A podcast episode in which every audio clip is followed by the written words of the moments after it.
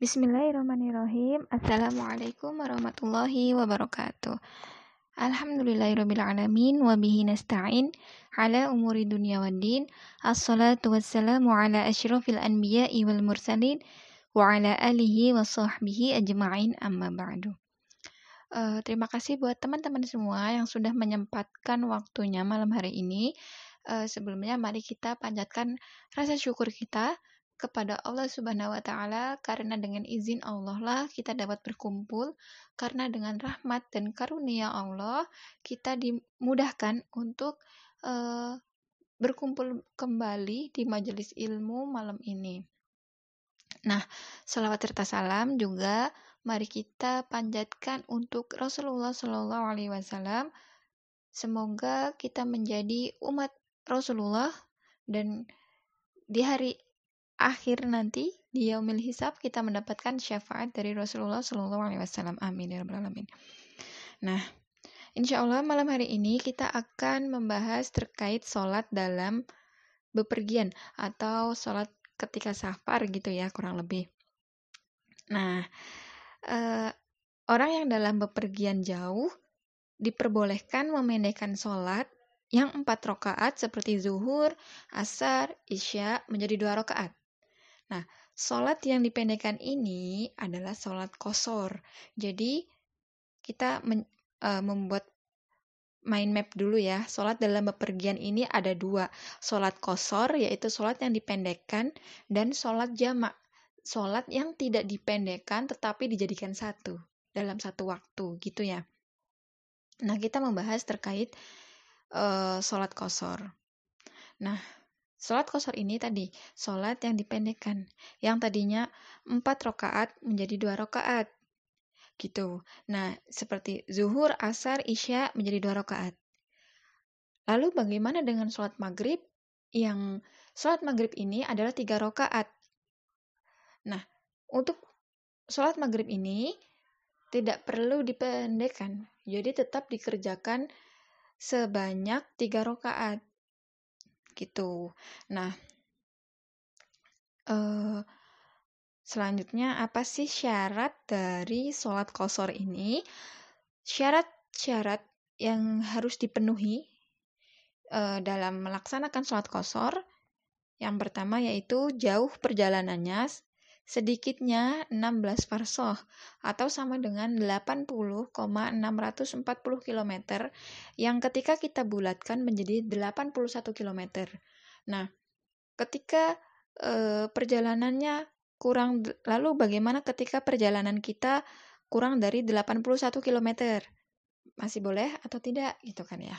Nah, dalam hal ini terkait jarak perjalanan atau jauhnya perjalanan ini para ulama berbeda pendapat. Nah, dalam uh, jauhnya perjalanan yang ditempuh, ini para ulama berbeda pendapat. Menurut Syekh Muhammad bin Soli al-Utsaimin menjelaskan bahwa jarak safar menurut sebagian ulama adalah 83 km.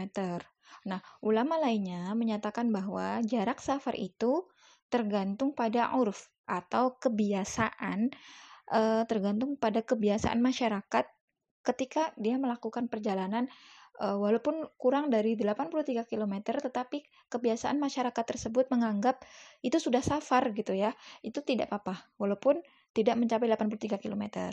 Bahkan seandainya secara uruf atau secara kebiasaan jarak tersebut tidak dianggap safar, maka tidak dianggap safar walau jarak yang ditempuh sudah mencapai 100 km. Nah, Maksudnya gini, kesimpulannya, maka tidak masalah jika mengambil pendapat yang menentukan jarak safar yaitu 83 km.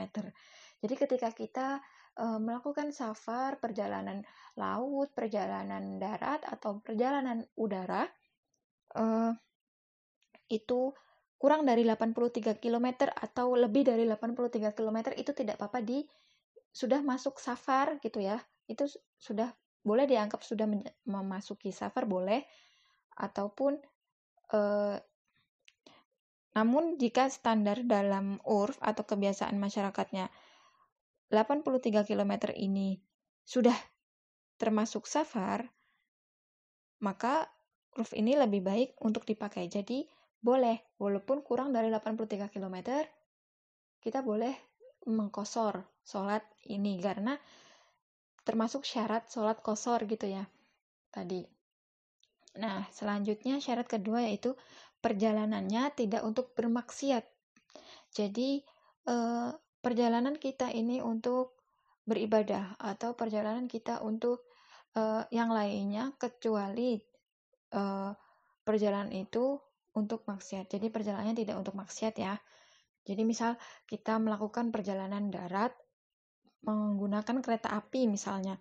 Nah, tidak memungkinkan ketika kita memakai kereta api kita turun uh, untuk sholat di masjid gitu, nggak mungkin kan? Uh, karena di kereta api uh, beberapa kereta api sudah ada kamar mandi dan ada air, maka kita bisa berwudu, kemudian kita melaksanakan sholat gitu. Tapi uh, sholatnya nanti sambil duduk, jika tidak memungkinkan untuk berdiri gitu ya. Nanti uh, di akhir uh, sesi insya Allah ada video cara uh, sholat dalam keadaan duduk. Nah, selanjutnya sholat yang dikosor itu hanya yang sholat empat-empat saja. Jadi tadi yang dikosor adalah sholat yang memiliki empat rakaat seperti zuhur, asar, isya gitu ya. Itu boleh dikosor menjadi dua rakaat, dua rakaat, dua rakaat gitu.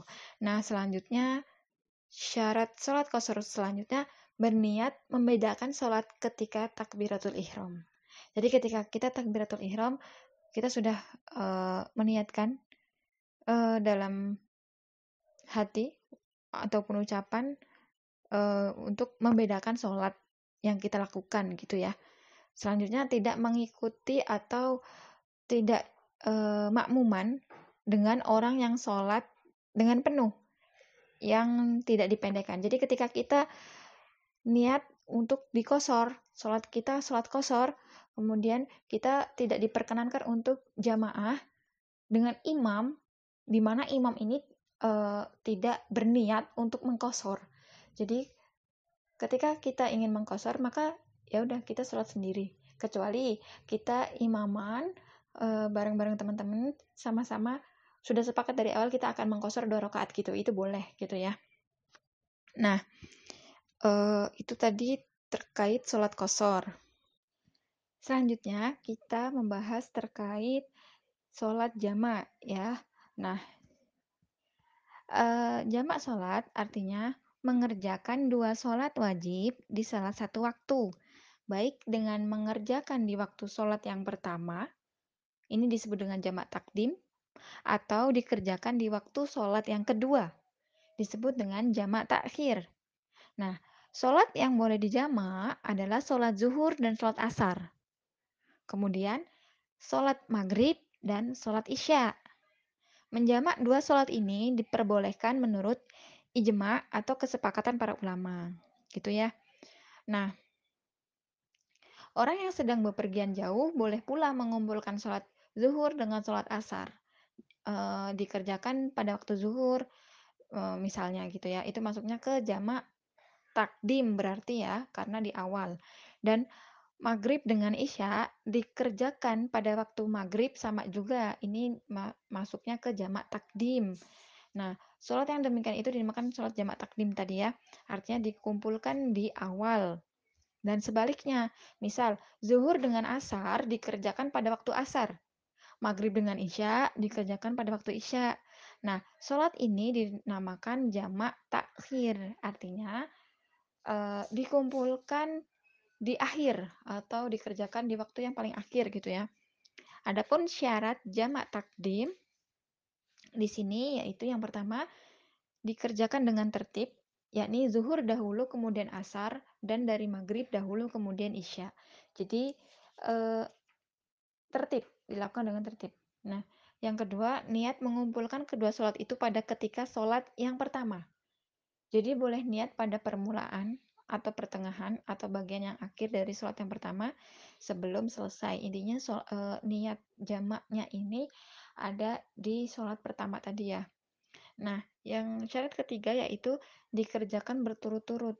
Jadi nggak boleh ya disela dengan sholat sunnah atau lain lainnya. Misal nih, uh, aku menjamak sholat uh, zuhur dengan asar. Kemudian aku sudah selesai sholat zuhur, udah salam, kemudian, eee, oh sholat ba'diyah dulu atau sholat yang lainnya dulu, itu nggak boleh. Karena kita udah jamak. Ini niatnya karena di awal tadi niatnya jamak ya, jadi dikerjakan berturut-turut tanpa disela dengan sholat sunnah atau, eee, perbuatan yang lainnya, gitu. Nah, itu tadi, eee, syarat jamak takdim. Adapun syarat jamak takhir, yang pertama, niat pada waktu yang pertama tidak perlu tertib dan berturut-turut. Jadi niatnya tetap di awal ya, gitu. Nah, masih dalam beper eee, syarat yang kedua yaitu masih dalam bepergian sampai datangnya waktu yang kedua. Jadi, eee, misal perjalanan dari, Jogja ke Jakarta menggunakan kereta api itu, eee, dari maghrib sampai isya, itu dari mulai jam 4 sore misal, terus melewati maghrib, terus melewati isya, itu masih dalam perjalanan. Nah, ini boleh menggunakan jamak takhir tadi, gitu ya. Nah Lalu kemudian bagaimana, eee, sholat jamak, hukum sholat jamak bagi orang yang tidak bepergian? Misalnya, eee, hujan deras atau, eee, lainnya, boleh nggak dijamak gitu ya? Boleh. Nah, per eee, jawabannya yaitu boleh. Sebab se eee, apa saja sebab boleh menjamak sholat? Yang pertama yaitu karena hujan deras yang menyulitkan. Misalnya, eee, di sini hujan itu benar-benar menyusahkan dalam perjalanan ke masjid, atau eee, bisa hujan lebat dengan angin, dengan petir, kemudian dari misal dari maghrib sampai isya, sampai selesai isya itu masih hujan dengan yang sama, itu boleh dijamak. Nah, selain itu juga ada, eee bisa juga karena sakit. Misal kita, eee, sedang sakit, kita boleh menjamak karena kita sedang sakit. Nah, dalilnya adalah firman Allah Subhanahu wa taala pada Quran surat Al-Hajj ayat 78, "Dan Allah sekali-kali tidak menjadikan untuk kamu dalam agama suatu kesempitan." Nah, yang ketiga yaitu boleh menjamak sholat karena kesulitan mengerjakan sholat pada masing-masing waktu. Misalnya, eee, di kota-kota besar seperti Jakarta atau Bogor atau Jogja misalnya terkena macet, eee, dan tidak, nyem tidak memungkinkan ini untuk sholat gitu ya, karena kita terjebak macet di, eee, perjalanan gitu. Kita boleh menjamaknya di akhir maupun di awal gitu ya, karena terjebak macet tadi. Atau, eee, kita dalam kondisi kesulitan gitu ya, mengerjakan sholat pada masing-masing waktu. Nah, tadi syaratnya yang pertama tadi hujan atau, eee kedua misalnya karena sakit, yang ketiga karena kita sulit mengerjakan sholat pada masing-masing waktu tadi. Nah, catatannya adalah tidak boleh mengundur sholat siang pada malam hari. Misalnya karena mengurus pernikahan menjadi eee, karena mengurus pernikahan, la lantas kita menjamak sholat tanpa ada uzur itu nggak boleh ya. Jadi tetap melaksanakan sholat gitu ya. Adapun dasar yang perlu kita pahami terlebih dahulu adalah ajaran Islam itu penuh dengan kemudahan. Jadi adanya sholat qashar, adanya sholat jamak itu adalah rukhsah atau itu, eee, kemudahan untuk umat Islam dalam mengerjakan sholat gitu ya. Nah, adapun dalilnya pada Quran surat Al-Baqarah ayat 185, Allah menghendaki kemudahan bagimu dan tidak menghendaki kesukaran bagimu. Dalam ayat lainnya disebutkan juga pada Quran surat An-Nisa ayat 28, Allah hendak memberikan keringanan kepadamu dan manusia dijadikan bersifat lemah. Hadis eee, dalam hadis juga disebutkan, "Buatlah mudah, jangan mempersulit." Yassiru wala tu'assiru, hadis riwayat Bukhari.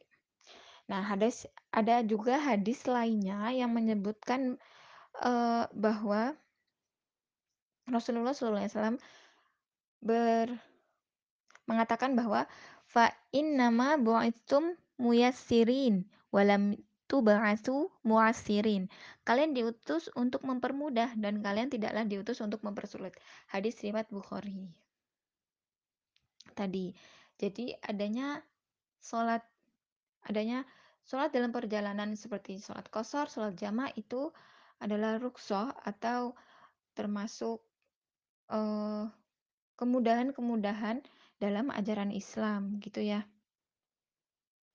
Nah, uh, Syekh Muhammad bin Soli al Utsaimin rahimahullah pernah ditanya ketika ada seseorang yang tinggal satu jam lagi sampai di negerinya ketika safar. Lantas masuk waktu zuhur, kemudian ia pergi ke masjid dan melaksanakan sholat zuhur dan asar secara jamak takdim. Tadi, jamak takdim adalah menggabungkan dua sholat dan dikerjakan di awal waktu. Nah, apakah dia harus mengulangi sholat asarnya ketika ia telah sampai di tempatnya, e, ketika dia sampai di tempat tujuannya waktu asar? Nah, manakah yang lebih afdol? Ia mesti menjamak atau ia kerjakan sholat zuhur saja? Karena ia kerjakan sholat-sholat tadi sebelum waktu asar. Itu pertanyaannya. Nah, jawabannya yang pertama, uh, wajib diketahui bahwa seorang musafir disunahkan untuk mengkosor sholat yang empat rakaat menjadi dua rakaat ketika ia keluar dari negerinya sampai ia kembali. Dan ia tidak ada masalah adapun uh, menjamak sholat, menggabungkan dua sholat di satu waktu, maka lebih utama menjamak tersebut dilakukan ketika adanya hajat atau ketika sulit mengerjakan sholat di masing-masing waktu saja. Nah,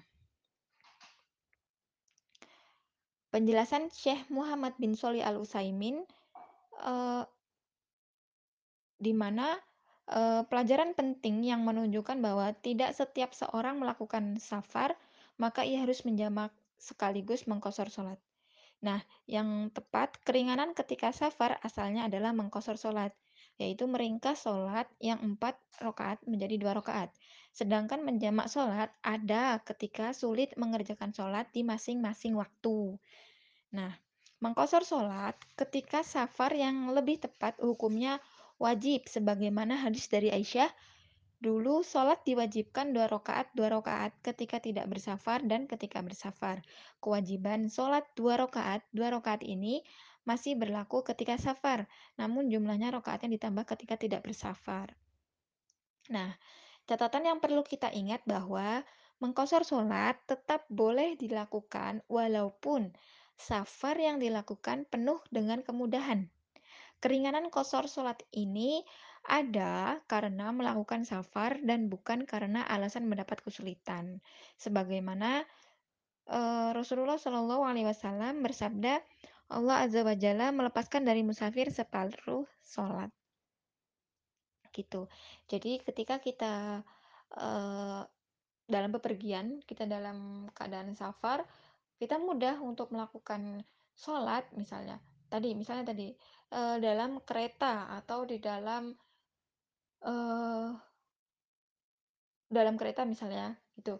Kita mudah untuk mengambil wudhu, kita mudah untuk sambil sholat sambil duduk itu mudah, tepat waktu itu mudah. Tapi kita diberi keringanan untuk mengkosor gitu.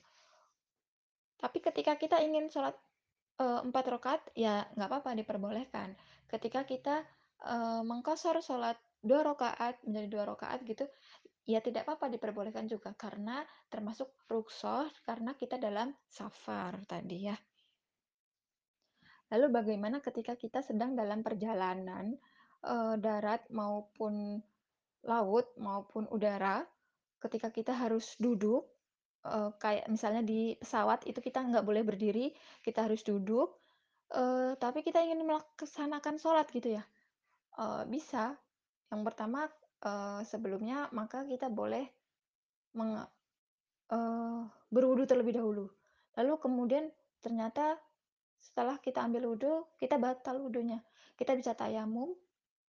Kita bisa tayamum ketika kita tidak bisa uh, berwudu gitu ya. Nah, uh, kita bisa melakukan sholat dengan duduk. Jika tidak memungkinkan berdiri, maka diperbolehkan untuk sholat sembari duduk gitu ya. Nah, set, uh, setelah ini akan saya kirimkan video bagaimana caranya sholat dalam keadaan duduk. Eee, semoga dapat dimengerti dan mudah dipahami ya. Sholat dalam kendaraan ketika bepergian ini, eee, tidak harus menghadap kiblat, jadi ikuti saja alur bagaimana dan ke mana, eee, kendaraan kita menuju.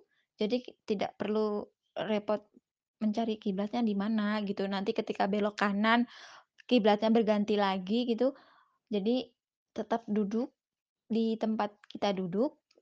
Nah, tetapi dalam niat sholat kita, ungkapkan bahwa kita sholat menghadap kiblat, gitu. Ini tadi termasuk kemudahan dalam sholat ya. Demikian tadi, eee, materi terkait sholat dalam bepergian atau dalam safar ya. Semoga, eee, Allah mudahkan kita untuk memahami, untuk, eee, menjalankannya ketika kita safar, sehingga tidak ada alasan lagi untuk meninggalkan sholat ketika kita melakukan perjalanan darat maupun laut maupun udara. Eee, semoga dapat bermanfaat. Saya mohon maaf jika ada salah. Jika ada yang dipertanyakan dipersilahkan. Assalamualaikum warahmatullahi wabarakatuh.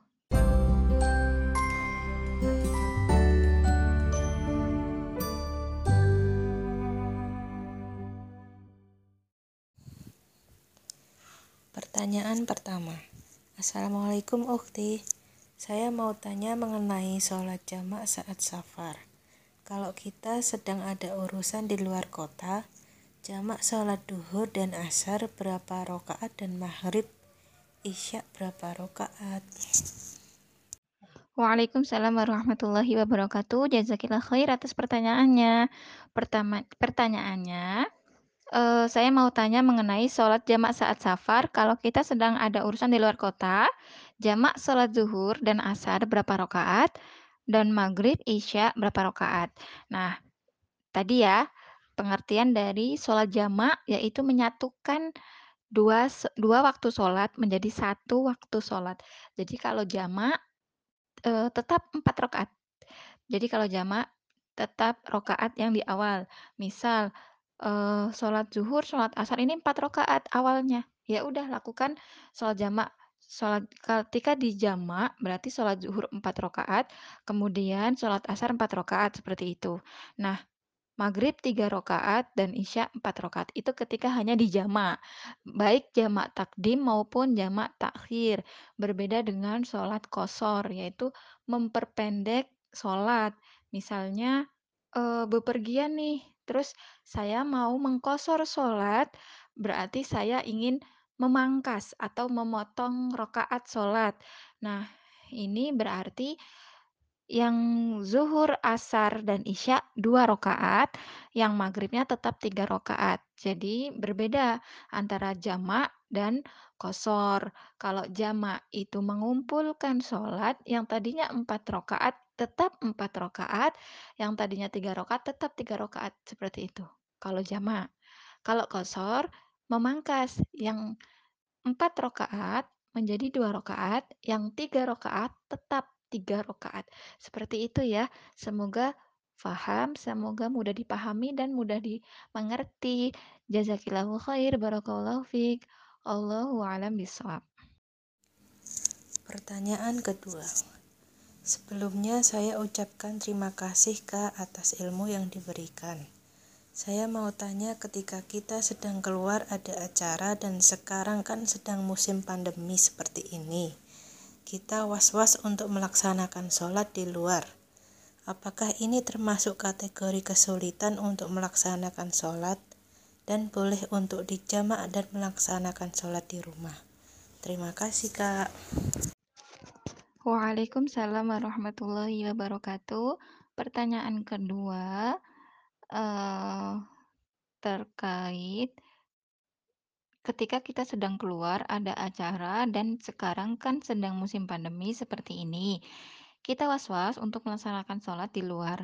Apakah ini termasuk kategori kesulitan untuk melaksanakan sholat dan boleh untuk dijamak dan melaksanakan sholat di rumah? Eee, jawabannya adalah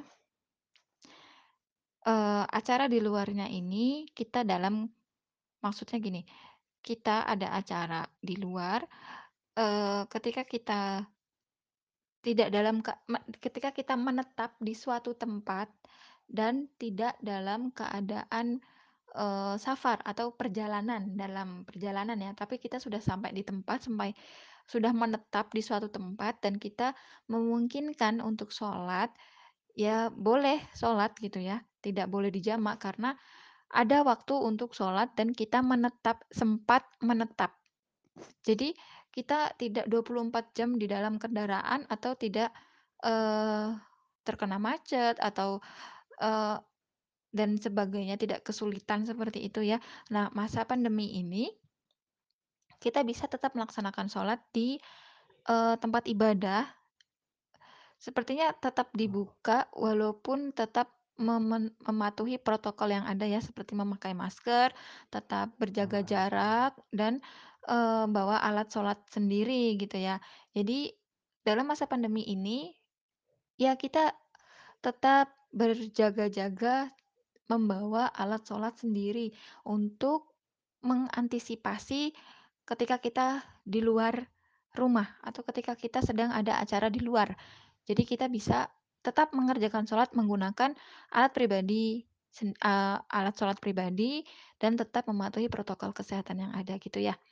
Jadi insya Allah ketika in ini belum termasuk kategori kesulitan karena jika ini sudah menetap ya, sudah sampai tempat ya, bukan di jalan atau terjebak macet atau sebagainya.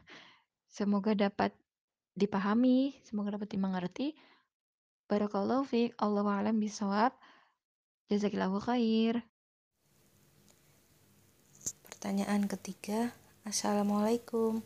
Saya Asti mau tanya perihal wudhu di kereta atau pesawat. Setahu saya boleh berwudu di kamar kecil dengan catatan kamar kecil relatif bersih dan luas, sehingga tidak wudhu di muka toilet dan tidak nyenggol-nyenggol gitu. Sedangkan jika wudhu dengan air mineral di tempat duduk, yang kudu buka lengan baju dan lain-lain, agaknya tidak tepat pula maka memilih tayamum. Bagaimana menurut ustazah? Kemudian jika sudah sholat dengan tayamum, Ternyata sampai tempat tujuan masih dalam waktu sholat dan bertemu air atau tempat wudhu. Apakah harus mengulang sholat yang ditayamum tadi? Terima kasih. Waalaikumsalam warahmatullahi wabarakatuh. Jazakillahu khair atas pertanyaannya.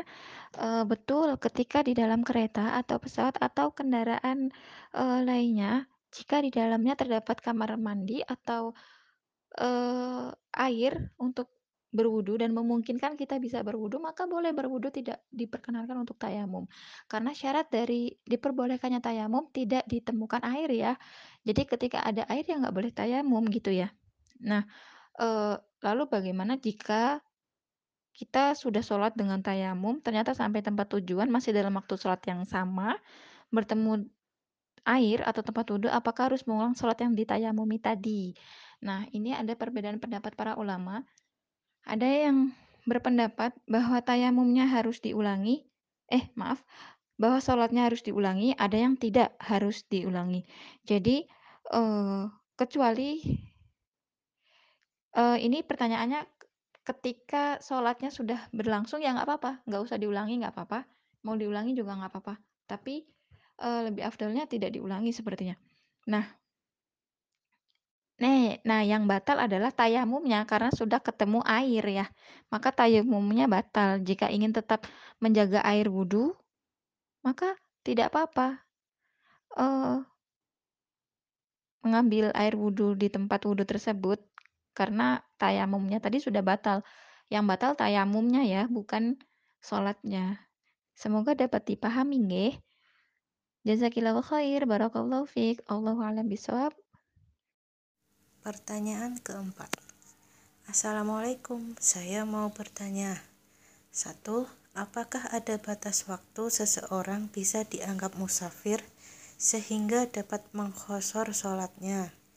Saya pernah mendengar bahwa sholat Fatum Mekah Nabi Muhammad Shallallahu Alaihi Wasallam menetap 19 hari di Mekah, namun tetap mengkhosor sholatnya. Apa benar ya? Kedua, apa jika sudah sampai di tempat tujuan, kita boleh melaksanakan sunnah qobliyah atau ba'diyah meski sholatnya dengan mengkhosor? Sekilah ukti. Waalaikumsalam warahmatullahi wabarakatuh. Pertanyaan keempat, jasakillahu khair pertanyaannya. Uh, yang pertama, ap apakah ada batas waktu seseorang bisa dianggap musafir sehingga dapat mengkosor sholatnya?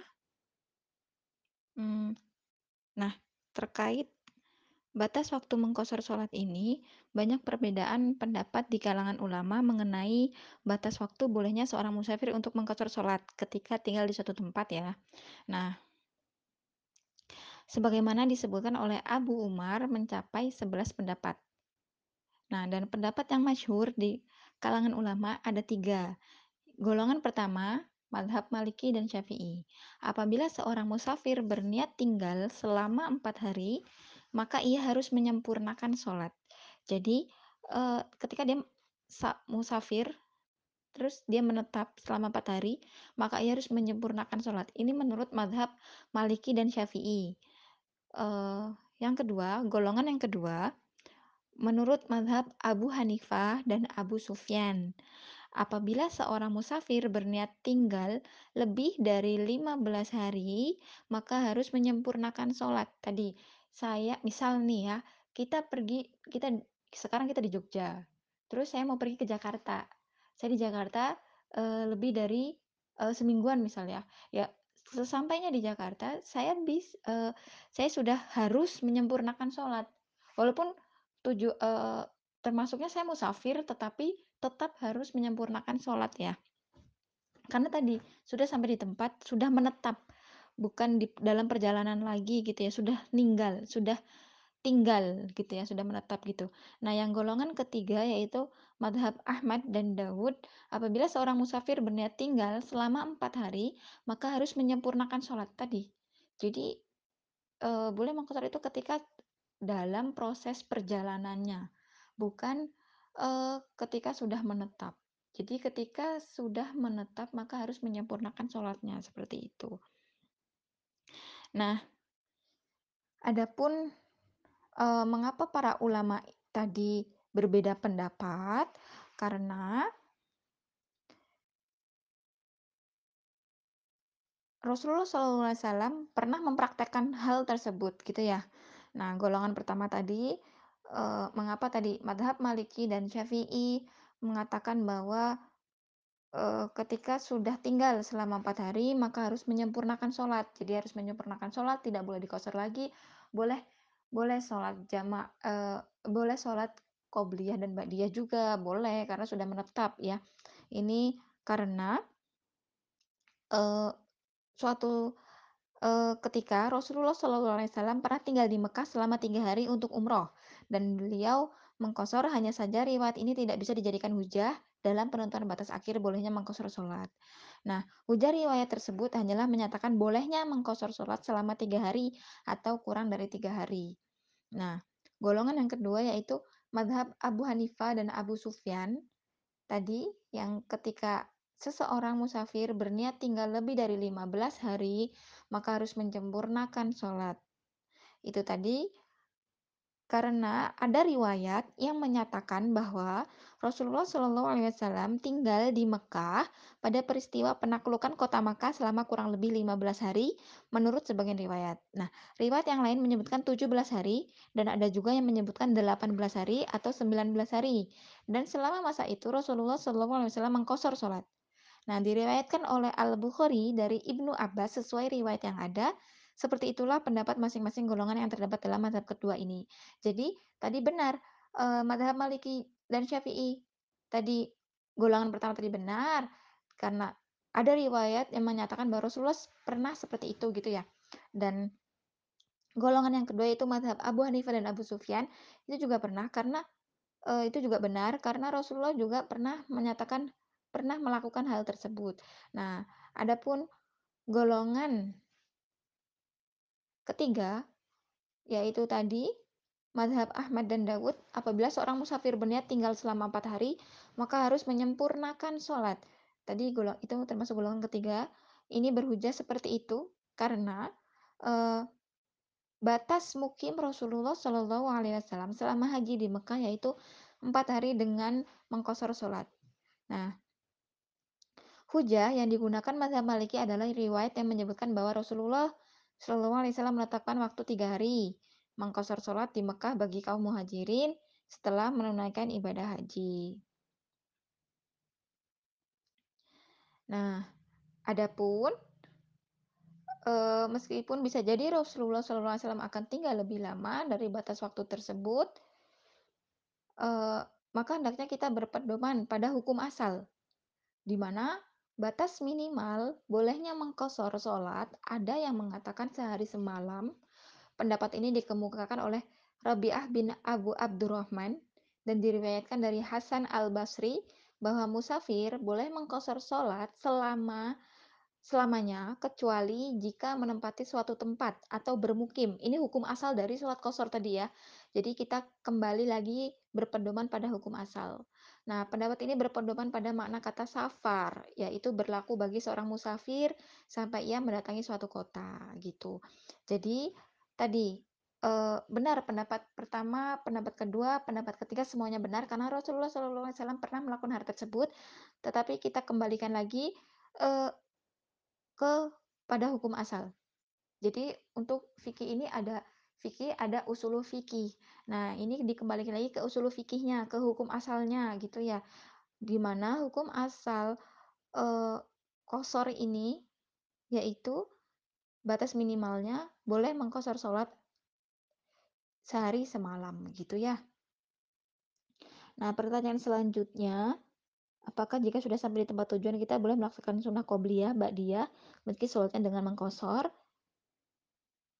Nah, ini tadi ya, karena ini kita sudah menetap, maka kita eh, tadi mengikuti hukum asal tadi, maka boleh sholat qobliyah, sholat ba'diyah boleh dengan syarat sholatnya tidak di kosor ya, tetapi tetap sholatnya uh, penuh gitu, seperti semula lagi.